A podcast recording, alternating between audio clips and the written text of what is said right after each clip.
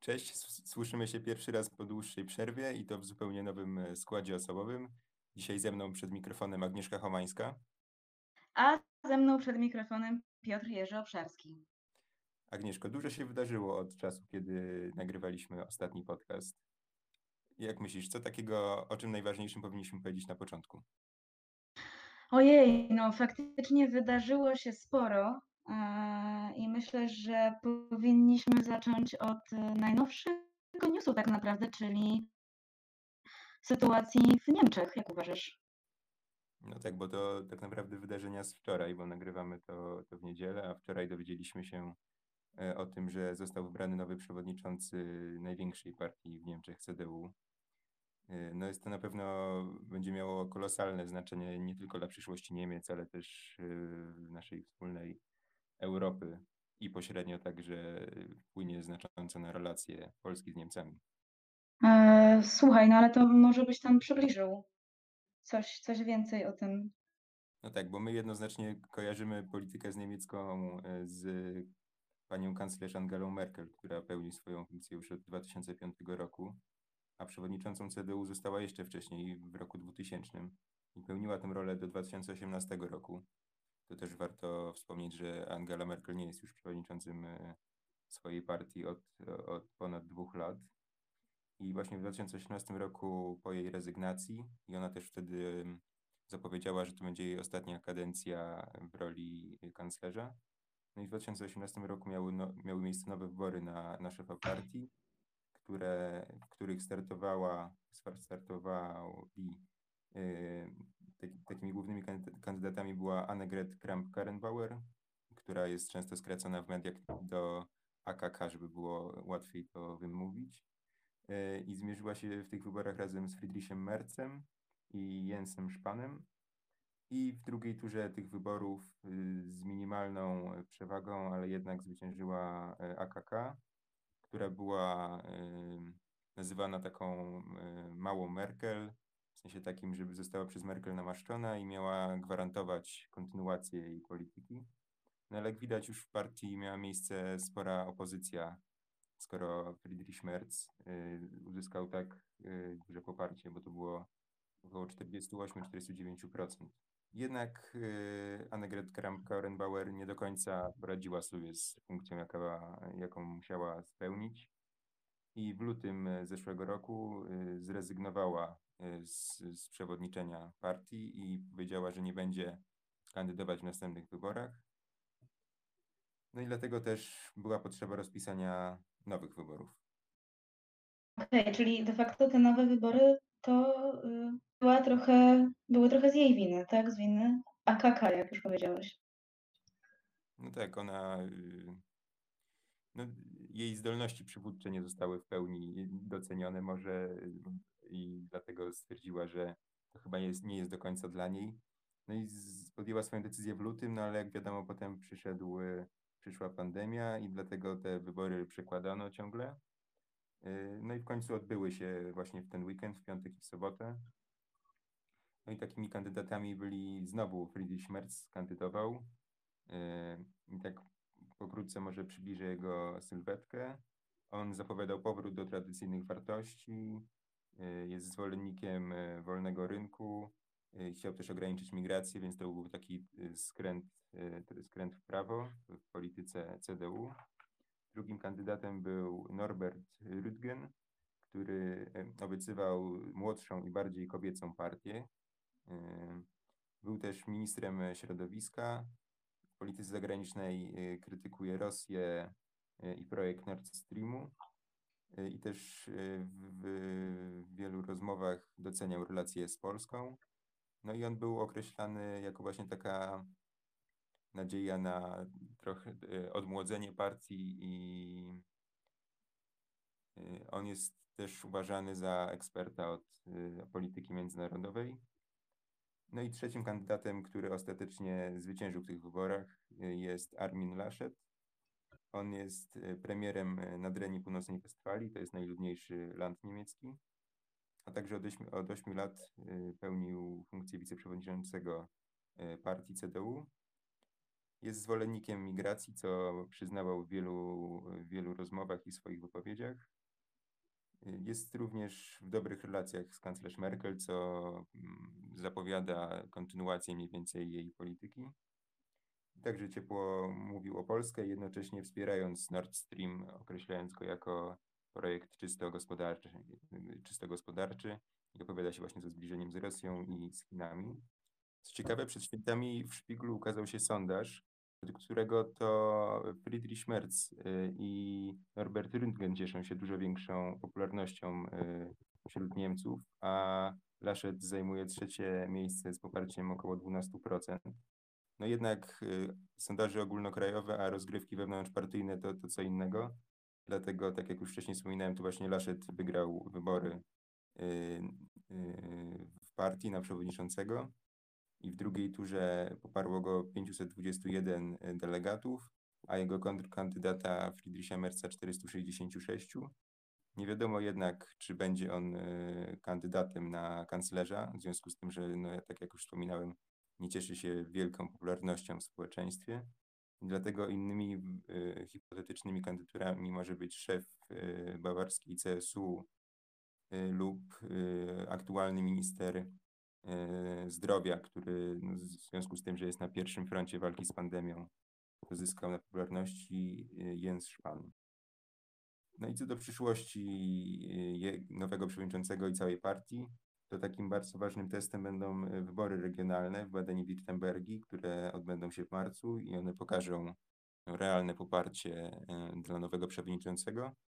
No co najważniejsze, 26 września zapowiedziane są nowe wybory do, do parlamentu, do Bundestagu, y, które no, pokażą, czy to, czy delegaci dokonali słusznego wyboru.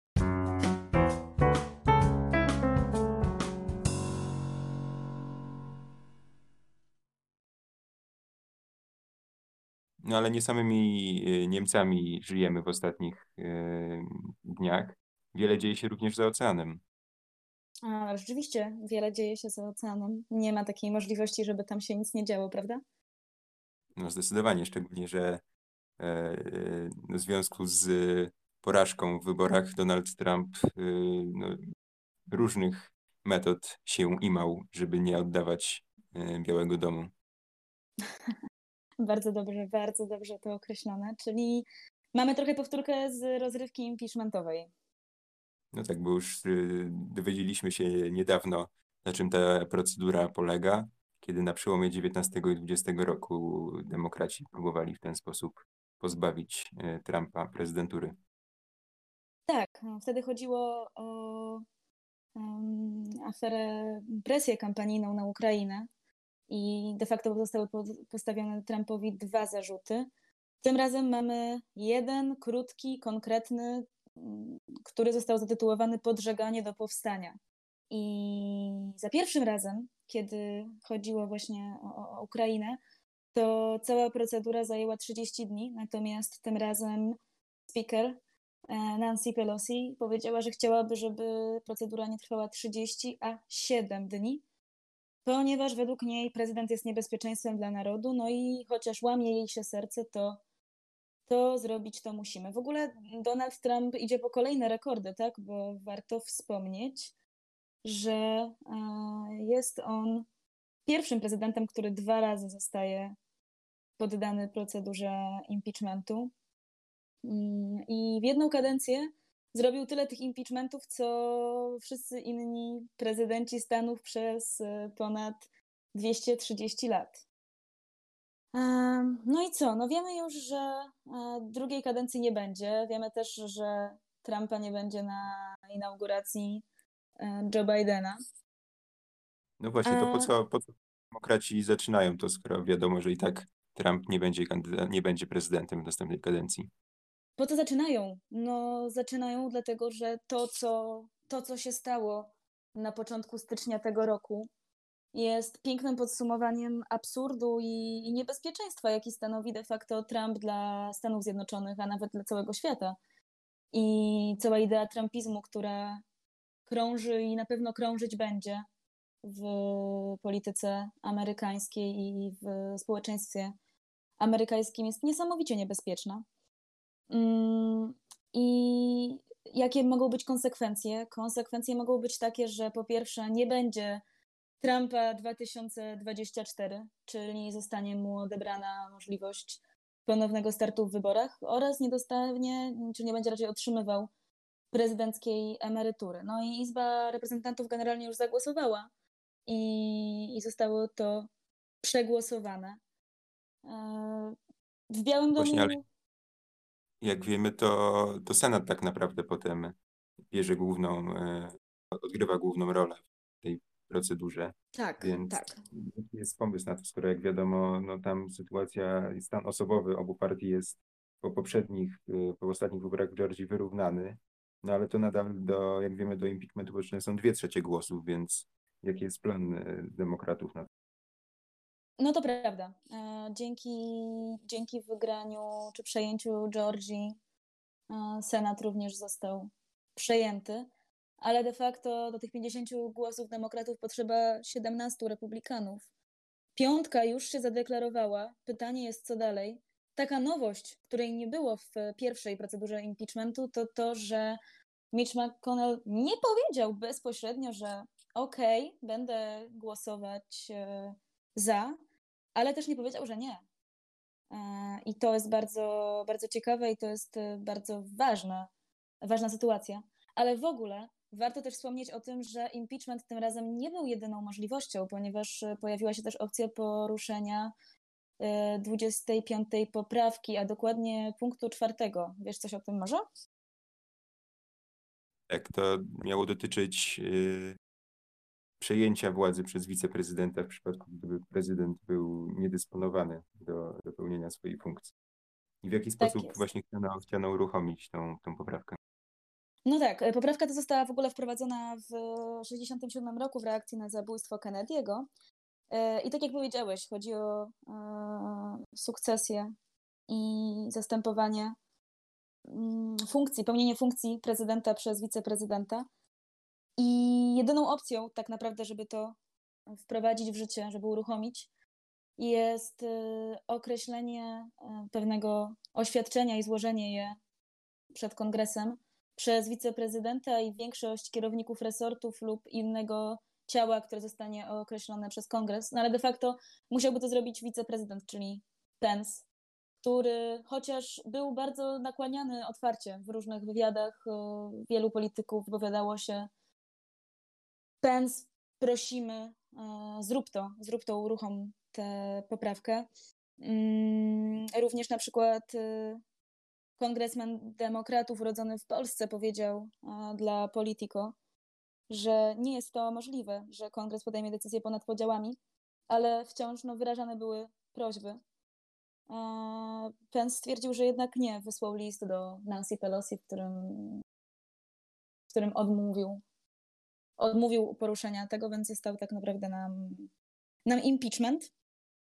No i, no i zobaczymy, co będzie dalej. Też taka ważna sytuacja jest, że e, słuchaj, wśród Amerykanów, według badania Quinnipiac University, 60% Amerykanów uważa, że za oblężenie Kapitolu odpowiada Donald Trump, a ponad 50%, że powinien się podać do dymisji.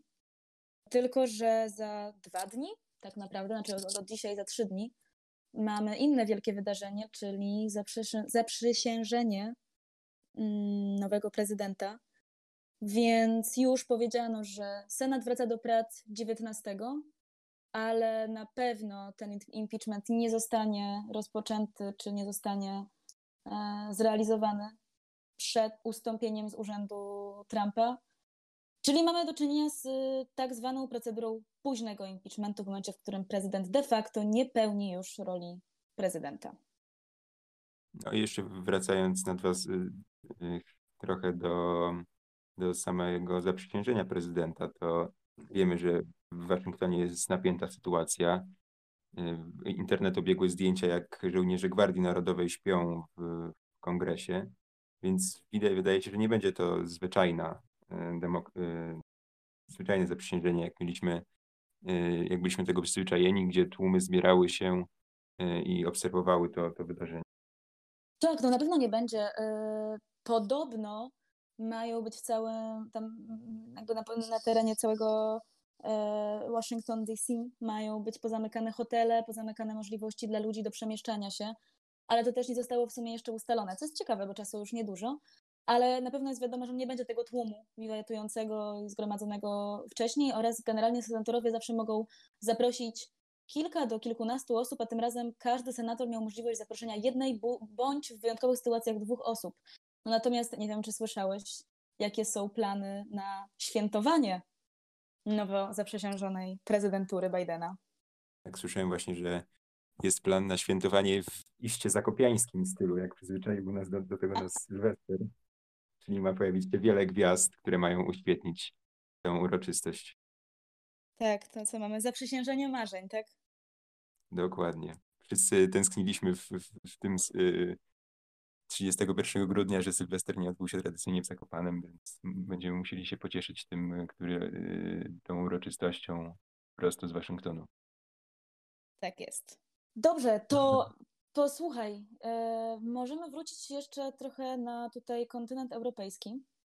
A, nie, przepraszam, zanim to, to mm, chciałam tylko powiedzieć, że kilka dni temu e, Pence rozmawiał z Kamalą Harris i oficjalnie pogratulował jej, jej nominacji i zaoferował swoją pomoc przy odsuwaniu Trumpa. Także e, warto tutaj wskazać, że bądź co bądź jest z niego rasowy polityk.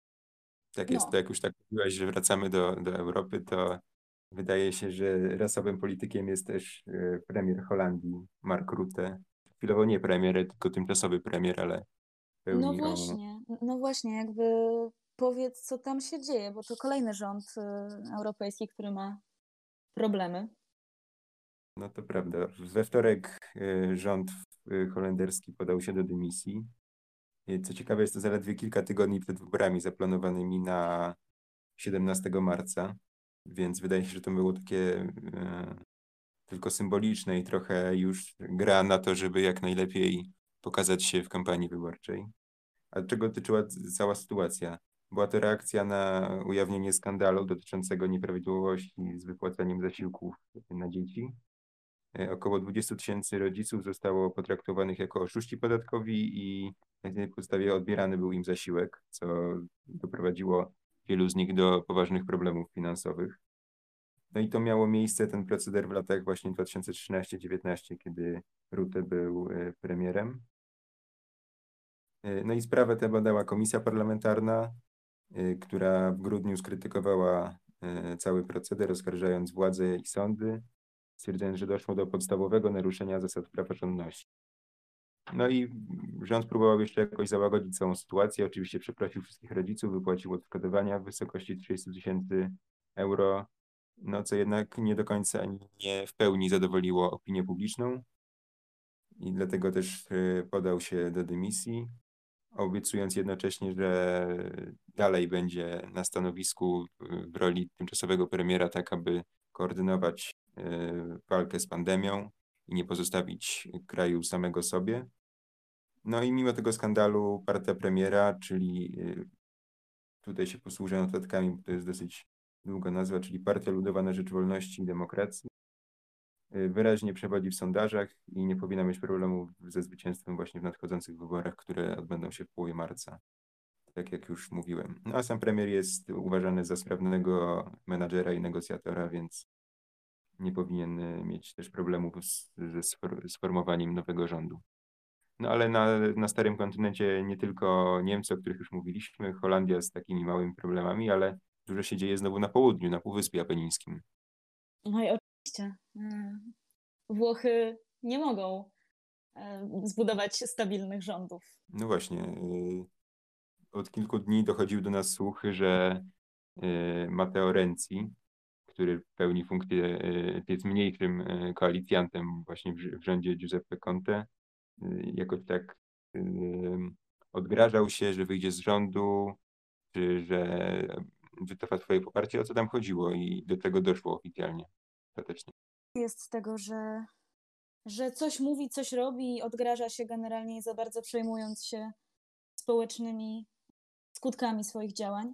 O co chodziło? No chodziło o to, że fantastyczne włoskie bicameralismo ideale, czyli ten idealny system dwuizbowy, nie działa.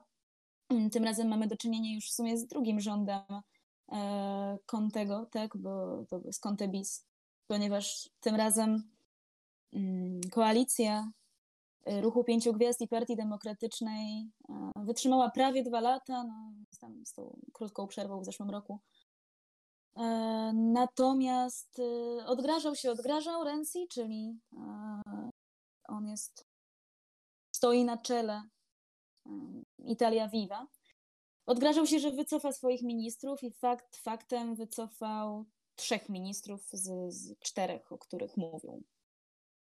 A co to za ministrowie? Oni kierowali jakimiś ważnymi resortami? Dokładnie chodziło o minister rolnictwa i leśnictwa Teresa Bellanowa, ministra do spraw rodziny i równych szans Elena Bonetti oraz ze stanowiska sekretarza stanu w MSZ e, ustąpił Iwan e, Scalfarotto. No jak zareagował? Mm. Bo wydaje się, że już mają trochę dość chyba tych wszystkich zawirowań na szczycie władzy. Zdecydowanie mają dość, a generalnie problem jest taki, że nie chodziło tutaj o nic e, takiego konkretnego, tak jak w przypadku Holandii chociażby była, była faktycznie wielka afera, tak? To tutaj po prostu po raz kolejny Renzi pokazuje swoje samolubstwo i swoją ideę uzyskania, e, uzyskania poparcia dla, dla swojego ruchu. I tak jakby chociażby Luigi Scazzieri z think tanku Center for European Reform um, mówił, że generalnie właśnie tylko o to chodzi, um, ponieważ Rozchodziło się o zagospodarowanie euro z funduszu odbudowy i de facto plan, plan odbudowy został już przegłosowany w nocy z 13, 12 na 13 stycznia. Natomiast szef Italia Viva domagał się zwiększenia nakładów na służbę zdrowia. I aby to, to osiągnąć, e, opowiadał się za skorzystaniem przez Rzym z nisko oprocentowanych pożyczek w ramach Europejskiego Mechanizmu Stabilności. Natomiast premier e, Conte odrzucał takie rozwiązanie, ponieważ obawiał się dalszego wzrostu długu publicznego, no, który jak wiemy jest już bardzo wysoki i zajmuje e, zaszczytne drugie miejsce podczas e, wśród państw unijnej 27. W ogóle co ciekawe, Italia Viva przedstawiła taki 27-stronnicowy dokument, w którym opisywała, jak przeprowadzić tę odbudowę. I ten dokument e, nosi skrót od czterech e, włoskich słów kultura, infrastruktura, ambiente opportunità, czyli z włoskiego kultura, infrastruktura, zatrudnienie i możliwości, nosi skrót ciao, czyli włoskie cześć na pożegnanie. I te no pierwsze no cztery litery czy to miało być pożegnanie z rządu, czy, czy to było skierowane do premiera? No właśnie, no właśnie, tutaj zauważone to zostało, że ha, niby chcemy zmienić wasze plany, ale tak naprawdę trochę jest to pożegnanie z Giuseppe Contem, także nie chcemy po prostu Conte bis, bis, bis. Mm, no, jaka, no. Przyszłość, jaka, jaka przyszłość czeka Włochy w najbliższym czasie? Czy, czy rząd upadnie, czy uda się utrzymać większość? Czekają nas kolejne przyspieszone wybory? Czy coś wiadomo na ten temat? Dobre pytanie. I nie wiadomo dotychczas, ponieważ e, dwa dni temu na łamach La Republiki e, powiedział Conte o tym, że każdego dnia e, na dzień widzimy, że nasza sytuacja jest coraz bardziej jasna i oni nie mają numerów. No i odchodziło o to, że po prostu e, w Senacie, e, w Senacie brakuje no, to jest to bikameralizmo, tak? W Sejmie, w Sejmie sobie może jedna partia poradzić, natomiast już w Senacie nie ma tej większości. I są tak naprawdę trzy rozwiązania. No, pierwszym rozwiązaniem są wybory, które właściwie ze względu na pandemię są niemożliwe. Zresztą to już minister zdrowia tamtejszy, Speranza, powiedział, że bardzo potępia zachowanie Renciego, bo jest to generalnie wystawianie społeczeństwa na ogromną niepewność. Jak wiemy, Włochy są bardzo mocno dotknięte pandemią i to nie jest czas, no tak jak chociażby w Holandii. Rządy mają, mają trwać, we Włoszech tak średnio. E, więc wybory raczej aktualnie odpadają. Mm, ponieważ zostaje w koalicji właśnie ruch Pięciu Gwiazd i Partia Demokratyczna oraz taka niewielka partyjka wolni i równi. Więc mamy opcje mm, takie, że prezydent e, Sergio Mattarella mógłby powołać rząd jedności narodowej na czele z technokratą, jakim byłby przewodniczący, e, były przewodniczący Europejskiego Banku Centralnego Mario Draghi. No i ten gabinet zająłby się odbudową e, kraju po pandemii, pozostał u władzy do wyborów prezydenckich, które, jeśli się nie mylę, mają być w przyszłym roku. Mm, no, premier mógłby też podać e, cały rząd do dymisji. Co ciekawe, to byłoby rozwiązanie, którego oczekiwaliby Włosi, bo Włosi mają zupełnie dość tej sytuacji. I nawet kiedy dowiedzieli się o tym, że ci ministrowie ustąpili ze stanowiska, to, to się ucieszyli, dopiero potem pomyśleli, że jejku, jest pandemia i to nie jest dobre rozwiązanie. I wówczas mógł zostać e, stworzony nowy gabinet, czy raczej mogłaby zostać podjęta próba stworzenia nowego gabinetu. No ale jakby to znowu byłby rząd e, z kątem na czele, a to również wymagałoby zdobycia poparcia członków parlamentu, którzy zastąpiliby członków Italia Viva. E, także tak naprawdę jest bardzo słabo. Jest bardzo słabo i w tym momencie rozwiązania nie ma, a działać trzeba i myślę, że kolejne dni, nawet myślę, że ten tydzień może być w jakiś sposób przełomowy tam w dyskusjach na, na Półwyspie. No dobrze, Agnieszko, dziękuję Ci za to, że przybliżyłaś nam sytuację za Wielką Wodą i, i na południu Europy. Miejmy nadzieję, że za tydzień usłyszymy się z, z dużo e, bardziej pozytywnymi e, informacjami ze świata. No, życzę Wam wszystkiego co najlepsze w tym, w tym tygodniu. Egzaminy się zbliżają, więc trzymam za Was kciuki i, i za nas również. No i co, do zobaczenia. Dzięki Piotrek za rozmowę i ja również życzę wszystkiego dobrego i na pewno ciekawe, ciekawe momenty przed nami. Także trzymajcie się wszyscy.